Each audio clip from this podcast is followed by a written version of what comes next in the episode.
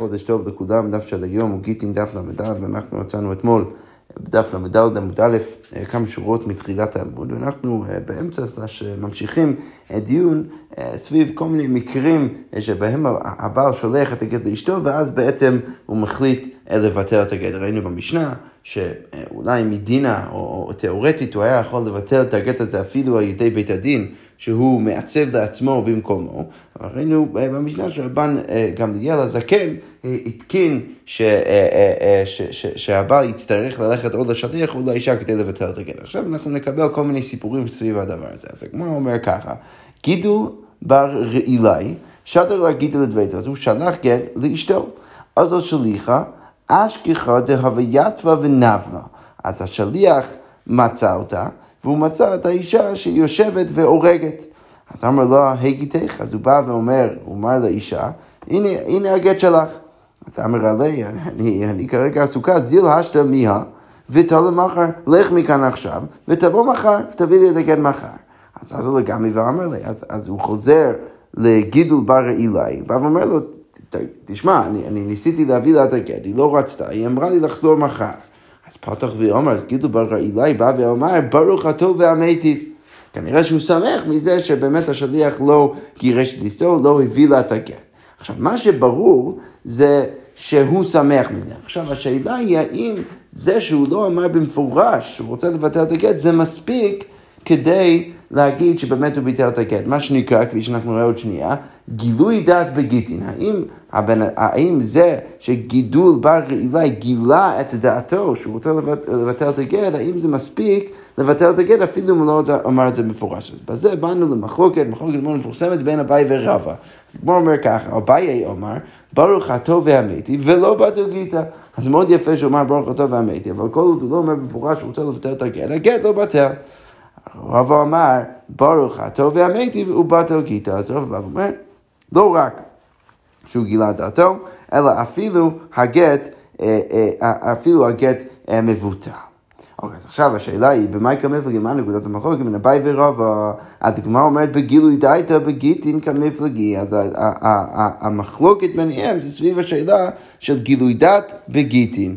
דאביי סבר גילוי דייתא בגיטין לאו מילדי. אז הוא חושב שזה לא משמעותי, ולכן זה מאוד יפה שגילית את דעתך, אבל זה לא מבטל אותה, כן? ורבא סבר גילוי דייתא בגיטא מילדי. המשחק כבר אומרת, אמר רבא מינא אמינא למאיפה אני יכול להוכיח לך שגילוי דייתא בגיטין זה מילתא, זה דבר משמעותי. דרב ששת, אני מספר לך סיפור אחר, רב ששת אשכלה גיטל להוא גברא בעל כורחה. אז רב ששת לקח גט מבן אדם בעל כורחו. ואמר לו לסעדי, והוא בא ואמר לעדים, הכי אמר לכו רב ששת לבטל גיטה. אז אותו הבן אדם, אותו הבעל שרב ששת לקח ממנו את הגט בעל כורחו, שוב, אנחנו ראינו את זה גם אתמול, מה, מה, מה זה בעצם אומר? זה אומר שאנחנו מכים אותו עד שהוא אומר רוצה עוני, עד שהוא מסכים לתת את הגט. עכשיו, אחרי עוד שנייה הוא יכול שוב, כמובן, לבטל את הגט. עכשיו, הבן אדם הזה, כדי ש... ש שאם... הבן אדם הזה יודע שמה, שאם הוא יבטל את הגט, אז שוב, י, ימשיכו להכות אותו, וזה, וזה יכאב, והוא לא רוצה את זה. ולכן מה הוא אומר? הוא מתחכם. הוא בא ואומר לעדים, ואומר לו לסנטי, הכי אומר לו רב ששת. הוא בא ואומר, רב ששת אומר לכם שאתם צריכים לבטל את הגט. עכשיו, מה הוא בעצם עושה? הוא מגלה בדעתו שהוא רוצה לבטל את הגט, השאלה היא האם זה משמעותי או לא. עכשיו, מה קרה בסוף הסיפור? והיה צריך רב ששת גיטה אחרינה, רב ששת הבין שהוא באמת ביטל את הגט, ולכן הוא הצריך גט חדש. עכשיו, מה משהו מזה? משהו מזה שגילוי דייתא בגיטין זה, זה דבר משמעותי. אנחנו כן אומרים ש, שגילוי דייתא בגיטין מילתאי, מזה שאנחנו רואים שאפילו ברגע שהוא אמר שרב ששת רצה לבטל את הגט, שזה ברור שהוא לא באמת התכוון לזה, אלא הוא התכוון לזה שהוא רוצה לבטל את הגט, אבל הוא רק לא אמר את זה, בכל מקרה רב ששת הצריך גט חדש. אביי בא ואומר, מה אביי יגיד במקרה הזה? את רב ששת מבטל גיתא דאינשי, אבל אתה באמת חושב שרב ששת הוא ההוא שיכול לבטל את הגט? ברור שהוא התכוון לעצמו, הוא סתם ניסר את זה דרך רב ששת. אם הוא באת לזה, ברור שהוא ביטל את זה, והייתי כמה מלכו הכי, וזה שהוא אמר לעדים ככה, בשמו של רב ששת ולא בשמו של עצמו, משום דפנויה, זה בגלל שהם מכים אותו, ו- וזה ברור שהוא הוא, הוא סתם רצה להגיד את זה שכדי, כדי שהם יפסיקו להכות אותו, אבל באמת בסופו של דבר הוא באמת ביטל את זה, ולכן זה לא, זה לא דוגמה, זה לא ראייה לזה שאנחנו אומרים כאילו די את הגיטין. אוקיי, ואומר אביי, עכשיו אביי מנסה להוכיח את עצמו, מינו מינו, מאיפה אני יכול להוכיח לך שכאילו די את בגיטין לאו מילתאי. הגמרא אומרת, דרב יהודה אשכלה גיתו לחתני דרבי ירמיה בירה.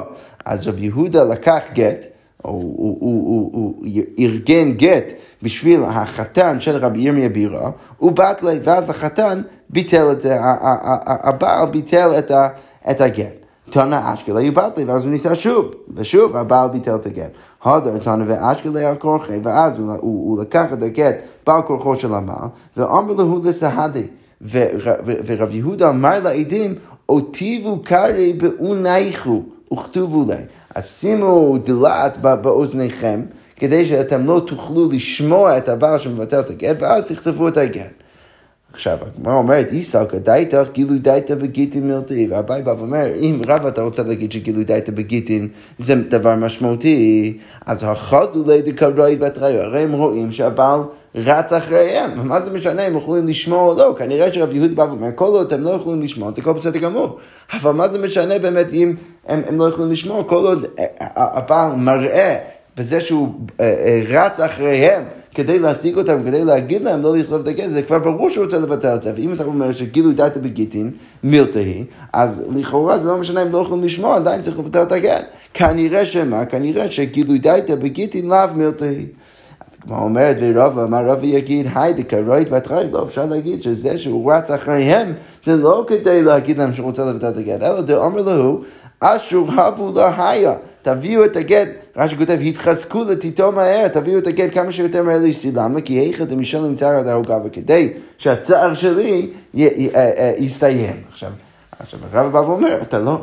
זה, ש, זה שהוא רץ אחריהם, אתה לא באמת יכול לדעת ש, שזה מבטל את הגט, שזה מבטל את הגט. כל הראיה שלך הבעיה זה שרגע, מה זה משנה אם הם, אם הם אה, שמים את, ה, את, את הדברים האלה בתוך האוזניים, הרי הם יכולים לראות אותו שהוא רוצה לבטל את הגט, כנראה שאנחנו לא באמת... אה, אה, הם, הם, הם מייחסים שום משמעות לזה שהוא רץ אחריהם, כנראה שגילוי דעתי בגיטי לאו מילתי, אבל בא ואומר לא, זה שאנחנו לא מייחסים שום משמעות לזה שהוא רץ אחריהם, זה, זה, זה, זה פשוט בגלל שאנחנו לא יודעים בוודאות שזה שהוא רץ אחריהם הוא בהכרח רוצה לבטא את הגט, ולכן מה? ולכן אין מפה שגילוי דעתי בגיטין לאו מילתי.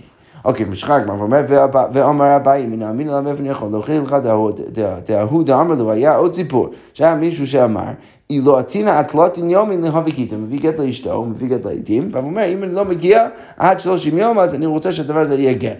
עתה, הוא פס גימה, אז הוא הגיע, אלא שמה, הוא היה בצד השני של הנהר, והוא לא הצליח לעבור את הנהר בזמן.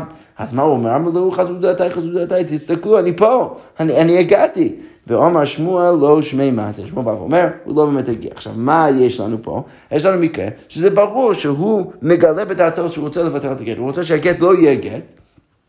ובכל זאת, שמואל לא מתחשב בו, לא, לא, ו, ו, ו, ולא אומר שזה נחשב כאילו הוא הגיע, ולא מבטל את הגט, כנראה שגילו דעת בגיטין לאו מילתי. אז כמו עומד ורב אמר רבי יקין, פה לא מדובר על ביטול הגט. אבל בא ואומר, אטו האטם לבטל לגית הבאי, מה הוא רוצה לבטל לגט? לא, הוא לא רוצה לבטל לגט, האטם את תנאי גבאי, הוא רוצה לקיים את התנאי. אם הוא מקיים את התנאי, אז באמת הגט לא יהיה גט, אבל לא רוצה לבטל את הגט. והא לא יקיים תנאי, הוא לא יקיים את התנאי, ולכן אנחנו לא מבטלים לו את הגט, אבל זה לא בגלל גילוי דייתא בגיטין. זה לא קשור באמת לסוגיה שלנו. אוקיי, עכשיו הגמרא מספרת על סיפור ההוא דאמר לו, היה זה מישהו שאמר, הוא אמר לעדים להביא גט לאשתו, הוא אמר להם ככה, היא לא נסיבנה תלות יומין, אם אני לא מתחתן עם האישה הזאת, עד 30 יום ליאבי גיתא. מה בדיוק המקרה? רש"י כותב, כתב גט ונתן לארוסתו, אז הוא כתב גט, הוא הביא את זה לארוסתו, על מנת שאם לא לא, לא ייכנס עד 30 יום יהיה גט. אז הוא בא ואומר לה, אני מביא לך את הגט, אבל אם, אם אנחנו לא נתחתן עד 30 יום, אז ליהב גיתא, זה יהיה הגט שלך ואת תהיי מגורשת. עכשיו, מה קורה? כמעט הוטלתין יומין, אז כשהגיע 30 יום, אמר לו, הטרחנה, אני באמת רציתי לכנוס אותה, באמת רציתי להתחתן, אלא שמה, קרה איזשהו אונס, אני לא מצליח עכשיו להתחתן איתה, אבל אני לא רוצה שזה יהיה כן. עכשיו השאלה היא למה ניחוש לה? מה, מה, מה, איך, איך אנחנו אומרים לדון במקרה הזה? אם משום אונצה, אם אתה רוצה להגיד שאה, אולי יש פה מקרה של אונס, באמת הוא הביא לה את הגט, אבל משום איזשהו אונס הוא לא הצליח לקיים את התנאי בגט, ולכן הגט אמור לחול, אבל אולי בגלל שזה בגלל אונס, אנחנו יכולים להגיד, אנחנו יכולים לוותר ולהגיד שבאמת הגט מבוטל. אבל הגמרא אומרת אין אונס בגיטין, שזה כמובן מחלוקת בכל מיני מקומות, וכאן הגמרא לכאורה מניחה בפשטות שאין אונס בגיטין, ולכן אנחנו לא מתחשבים בו בזה שקרה איזשהו אונס. אה, אם מישהו גילוי דייתא בגיטה, אולי אתה תרצה להגיד שזה בגלל גילוי דייתא בגיטה, שהוא מגלה בדעתו שהוא רוצה לבטל את הגט. אז אולי בגלל זה צריך גם כן לבטל את הגט, אבל כמו אומרת, לא, זה פלוגתא דאביי ורבו, ולכן לא ברור איך לפסוק. עוד שנייה אנחנו נראה כמו מי אנחנו פוסקים, אבל אם על הצד שאנחנו פוסקים כמו אביי, אז יוצא שזה לאו מילטי, ולכן למרות שהוא מגלה בדעתו שהוא רוצה לבטל את הגט, אנחנו לא באמת יכולים לבטל את זה, כי אביי יגיד שגילוי דייתא וגיטין לאו מילטי. אוקיי, עוד סיפור מאוד דומה, ההוא דאמר לו, אילו נסיבנה לריש ירחא דאדר להביא גיטה. אם אני לא מתחתן עד ראש חודש אדר, אני רוצה שהדבר הזה יהיה גט. אז הגמרא אומרת, כי מות לריש ירחא דאדר, כשהגיע ראש חודש אדר, אמר לו, אנא לריש ירחא דניסן נמי. רגע, אני אמרתי ראש חודש אדר, לא באמת התכוונתי לזה, התכוונתי לראש חודש ניסן, לכן יש לי עוד חודש. אז הגמרא אומרת, למי ניחוש, לאיזה, דין אנחנו אולי אמורים לחשוש כדי לבטל את הגט? אם משום אונס, אין אונס בגיטי, אם אתה רוצה להגיד שזה משום אונס, שמה? שהוא באמת התכוון לראש חודש ניסן, הוא סתם טעה, וזה היה איזשהו אונס שהוא התבלבל. לזה אנחנו לא יכולים לחשוש, למה? כי אין אונס בגיטין, וגם כן אם מישהו עם גילוי דייתא, שהוא מגלה בדעתו שהוא רוצה לבטל את הגט, אז, אז גם שם אנחנו לא יכולים בהכרח לסמוך, למה? כי פלוגתא דאביי ורבא, כי בסוף זה מחלוקת בין אביי ורבא. אז הוא אומר, והלכתו כנחמן, והלכתו כנחמן, מה עם שני המקרים האלו? אז רש"י כותב, והלכתו כנחמן דאמר לאל ביטול בפני שניים, האופציה התיאורטית של הבעל לבטל בפני בית הדין. זה, ראינו מחלוקת בזה בין המוראים, ורב נחמן אמר שאפילו בפני שניים זה כבר מספיק. והלכתו כנחמן גם כן, שאמרנו אתמול שהוא פוסק כמו רבי בשתי עיניי. ראינו שתי מחלוקות בין רבי ורשב"ג סביב השאלה אם הוא ביטל את זה בדיעבד בבית הדין עם עצמו, אז האם זה עובד או לא, ורבי אמר שבדיעבד זה עובד, וגם כן, כשהוא אמר לעשרה אנשים לכתוב גט בשביל אשתו, האם הוא יכול לבטל זה שלא בפני זה, שגם שם רב נחמן פסק כרבי, אז הגמרא אומר, להלכתו כנחמן. אז אנחנו עוסקים כרב נחמן גם, שזה צריך להיות שתיים בבית הדין שהוא מקיים לעצמו כדי לבטל את הגט, וגם כן, ש... אה, אה, כמו רב נחמן שפוסק כרבי בשתי המחלוקות האלו, והלכתו כנחמני. עכשיו, מי זה נחמני? אז רש"י כותב, נחמני זה אביי. אה, שהוא אמר שגילוי דייתא בגיתא לאו מילתי, ורש"י רק מעיר שבדרך כלל במחלוקות בין אביי ורבא אנחנו פוסקים כרבא, אלא שיש שישה מקרים בש"ס שבהם אנחנו פוסקים כאביי וזה אחד מהם. רש"י כותב, וזוהי אחת בהלכות של סימן יעל כגם. סימן מאוד מאוד מפורסם, אה, שככה מזכיר את המחלוקות המפורסמות בין אביי ורבא, שבהם אנחנו דווקא פוסקים כמו אביי ולא, ולא כמו רבא. רש"י רק כותב, למה אנחנו קוראים לאביי נחמני? ונראה בעיניי רש"י כותב, זה על שם שרבא בר נחמני גידל אביי בביתו. אז, אז רבא בר נחמני הוא, הוא היה הוא שגידל את אביי בתוך ביתו ולימדו תורה, ולכן קוראים לאביי אה, נחמני, אה, כי, כי, כי רבא בר נחמני הוא ההוא שבאמת לימד את, את אביי את כל תורתו אה, בסופו של דבר, וכאן אנחנו פוסקים כמו אביי, שוב, אחת מהדוגמאות של יעל קלקל. יפה, עכשיו אנחנו נמשיך במשנה הבאה, והמשנה אומר ככה, בראשונה היה משנה שמו ושמה, שם עירו ושם עירה. אז עכשיו השאלה עולה, מה קורה אם יש לבן אדם שני שמות? יש לו אה, ב- ב- בארץ ישראל או ב- בירושלים קוראים לו ככה, ובגליל קוראים לו בשם אחר. אז מה הבן אדם הזה צריך לעשות? מה הוא צריך לכתוב בגט? האם הוא צריך לכתוב את כל השמות שלו, או האם זה מספיק אפילו לכתוב שם אחד? אז המשנה אומרת שבהתחלה הם היו המשנה אומרת בראשונה, היה משנה שמו ושמה שם עירו ושם עירה. מה הכוונה? רש"י כותב, בראשונה היה משנה שמו ושמה, כשהיו לו שני שמות, אחד כאן ואחד במדינת הים, כאן בארץ ישראל קוראים לו ככה, במדינת הים קוראים לו משהו אחר, אז היה מגרש בשם הנוהג במקום כתיבת הגט, אותו היה מגרש אותה רק אבל בשם שהוא משתמש בו באותו מקום שהוא כותב את הגט, ולא היה מקפיד לכתוב שניהם, ולא היה מקפיד לכתוב את שני השמות. אבל אחרי זה, מה עשה רבן גמליאל הזקן? התקין רבן גמליאל הזקן שיהיה כותב איש פלוני וכל שום שיש לו. אישה פלונית וכל שום שיש לה מפני תיקון העולם. אז רבן אה, אה, גמליאל הזקן תיקן שהם צריכים לכתוב את הגט אה, גם עם השם של איש פלוני, וגם כן להזכיר שיש לו עוד יותר שמות, וזה לא רק השם הזה, כדי שאנחנו באמת נוכל לדעת שזה באמת אותו בן אדם שמגרש את אשתו. וכל זה מפני תיקון העולם. רש"י כותב שלא יוציאו לזה בניה מן השני לאמור, לא גירשה בעלה שאין זה שמו. למה? כי מה יקרה? פתאום היא תעבור לארץ ישראל, ישתמשו רק בשם של בעלה שהוא משתמש בו במדינת הים, אף אחד לא, לא ידע שבאמת גט, שהוא באמת גירש אותה, ולכן היא תתחתן עם מישהו אחר, כל אחד יחשוב שהבנים שלה מה, מהנישואין השניים הם ממזירים. כמובן שהם לא, אבל אף אחד לא יודע את זה, כי כל אחד, אף אחד לא באמת יודע שקוראים לו בשם אחר במדינת הים. אוקיי, אז עכשיו הגמרא אומר ככה. אמר רב יהודה אמר שמואל, שלחו לבני מדינת הים לרבן גמליאל. אז בני מדינת הים שלחו לרבן גמליאל. בני אדם הבאים משם לכאן, מישהו שמגיע מארץ ישראל לכאן, מארץ ישראל לבבל, שמו יוסף, וקוראים לו יוחנן. יוחנן וקוראים לו יוסף. אז השם שלו אולי שם בארץ ישראל, יוסף, וקוראים לו כאן יוחנן, או יוחנן שם, וקוראים לו כאן יוסף, איך מגרש נשותיהם, איך האנשים האלה יכולים לגרש נשותיהם, הרי יש להם שני שמות. אז אמר רבן גמליאל, אז רבן גמליאל עמד והתקין שיהיו כותבין איש פלוני לכל שום שיש לו. איש פלוני לכל שום שיש לה, מפני תיקון העולם, בדיוק כמו שראינו במשנה. אמר רב אשי, ורב אשי בא ואומר, והוא דתחזק בתרי שמי. אז רב אשי בא ואומר, כל זה רלוונטי רק במקרה שהתחזק בשני שמות. מה הכוונה? שיש לו באמת... אה, באמת שני שמות שאנשים מכירים אותו כפי שני השמות האלו, אבל אם לא, רש"י כותב, אבל לא התחזי כאן שיש לו שני שמות, אין צריך לכתוב בכל שום שיש לו. למה? רש"י כותב, ואפילו נודע לאחר זמן שיש לו שם אחר, הווה הגט כשר, שאין לנו אלא שם שקרא הוא לאטמו בפנינו והוא הוחזק בו. אז רש"י בא ואומר, אנחנו צריכים לכתוב כל שום שיש לו, כל שום שיש לה, רק בסיטואציה שבו אנשים יודעים שבאמת יש לו שני שמות, אם אף אחד לא יודע שיש לו שני שמות, אז מה הבעיה? לכן כותבים את זה רק במקרה כזה. הגמרא אומרת, אמר לי רבי אבא לרב אשי, רבי אבא אומר לרב אשי, רבי מרי ורבי אלעזר, קיימי קוותך. אז רבי, רבי מרי ורבי אלעזר מסכימים איתך, רק שתדע מסכימים איתך. הגמרא גם ממשיכה ואומרת, תני קוותי דרב אשי, יש ברייתא שתומכת גם כן בשיטתו של רב אשי, למה מה כתוב בברייתא? היו לו שתי נשים, בן, אדם יש לו שתי נשים, אחד ביהודה ואחד בגליל, ולא שני שמות, אחד ביהודה ואחד בגליל. ביהודה קוראים לו ככה, בגליל קוראים לו ככה. וגירש את אשתו שביהודה בשמו שביהודה, ואת אשתו שבגליל בשמו שבגליל. אז, אז, אז הבן אדם הזה כתב בגט, גירש את אשתו שביהודה.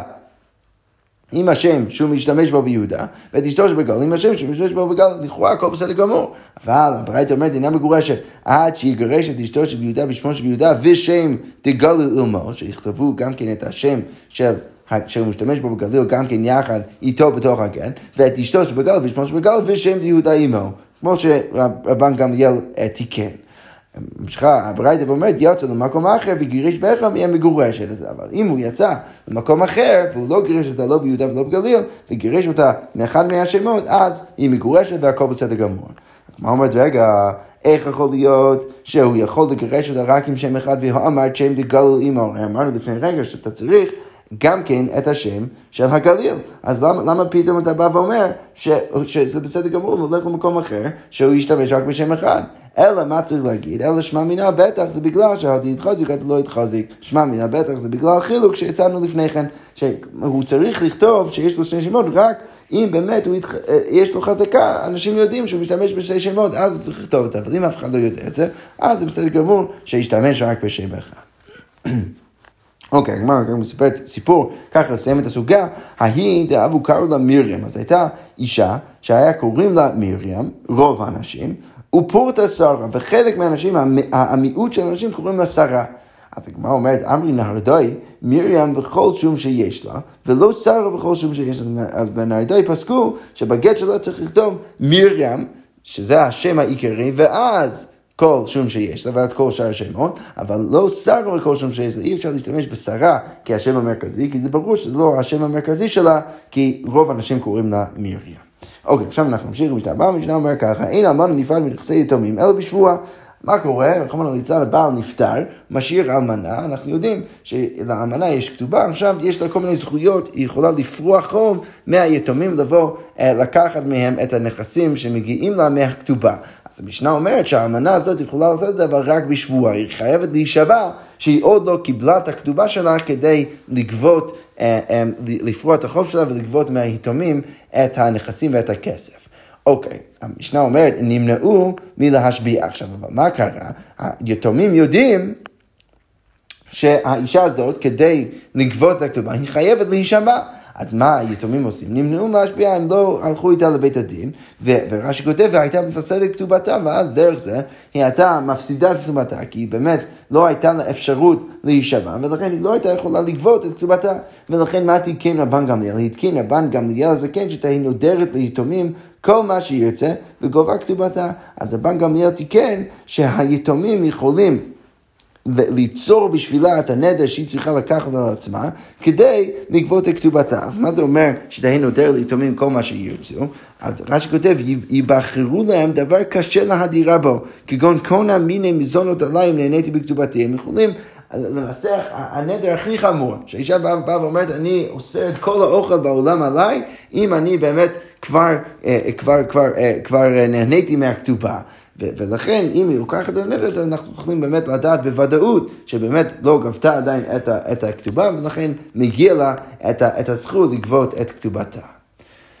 אוקיי, ממשיכה אה, המשנה ואומרת כל מיני אה, דברים אחרים שאנחנו, אה, שתיקנו אותם משום תיקון העולם, אז העדים חותמים על מפני תיקון העולם, למרות שאולי אנחנו יכולים, היינו יכולים להגיד שאנחנו סופרים כמו רבי אלעזר, ש... סירא קרתי, ולכן לא באמת צריכים את החתימה של העדים על הגט עצמו. אה, אה, אמ, אבל מדי תיקון העולם אנחנו אמרנו שגם העדים אה, צריכים לחתום, לחתום על הגט, והתקין פחות בו מדי תיקון העולם, אנחנו ניכנס לסוגיה של פחות בו גם כן בעזרת השם בקרוב. אוקיי. רק נפתח ממש את הסוגיה, כמו אומר ככה, מה ירי האלמנה, אפילו כולי האלמנה, רגע, למה אמרנו במשנה שהאלמנה חייבת להישבע כדי לגבות מהיתומים? הרי אנחנו יודעים שתמיד כל אחד שגובה כסף מיתומים צריך להישבע, אפילו כולי המנעמי, דאו קרמלן, יש לנו כבר הלכה ידועה שהבעל ייפרע מנכסי יתומים לא ייפרע אלא בשבועה. אז למה אנחנו אמרנו דו, דווקא לגבי האלמנה? אז כמו אומרת, האלמנה הצטריך, הרי לא באמת היינו צריכים את החידוש של האלמנה. למה? כי שר כדאי תחמין, הייתי חושב להגיד משום חינה כאילו ברבנן, כאילו רבנן. אז הייתי חושב משום מה שנקרא חינה. יש קצת מחלוקת סביב הדבר הזה, אבל איך שלא יהיה, רש"י כותב שיהי חן האנשים בעיני הנשים ינצא להם. חינה זה סוג של חן ש, ש, שאנחנו רוצים שהנשים אה, אה, ירצו להתחתן עם הגברים. עכשיו, אם כל אישה ואישה יודעת שיהיה לה מאוד מאוד קשה לגבות את כתובתה, אז היא לא תרצה להתחתן. ולכן הייתי חושב שמשום חינה כאילו רבן הגבה והיא לא תצטרך להישבע כשהיא באה אה, אה, לגבות כסף מהיתומים, כמה שמלן שגם היא חייבת להישבע, כמו כל אחד אחר שבא לגבות כסף מהיתומים אה, שצריך להישבע. יפה, אנחנו נעצור כאן, נמשיך לעשות את השם עם המשך הסוגיות. שכוייח וגוד חודש.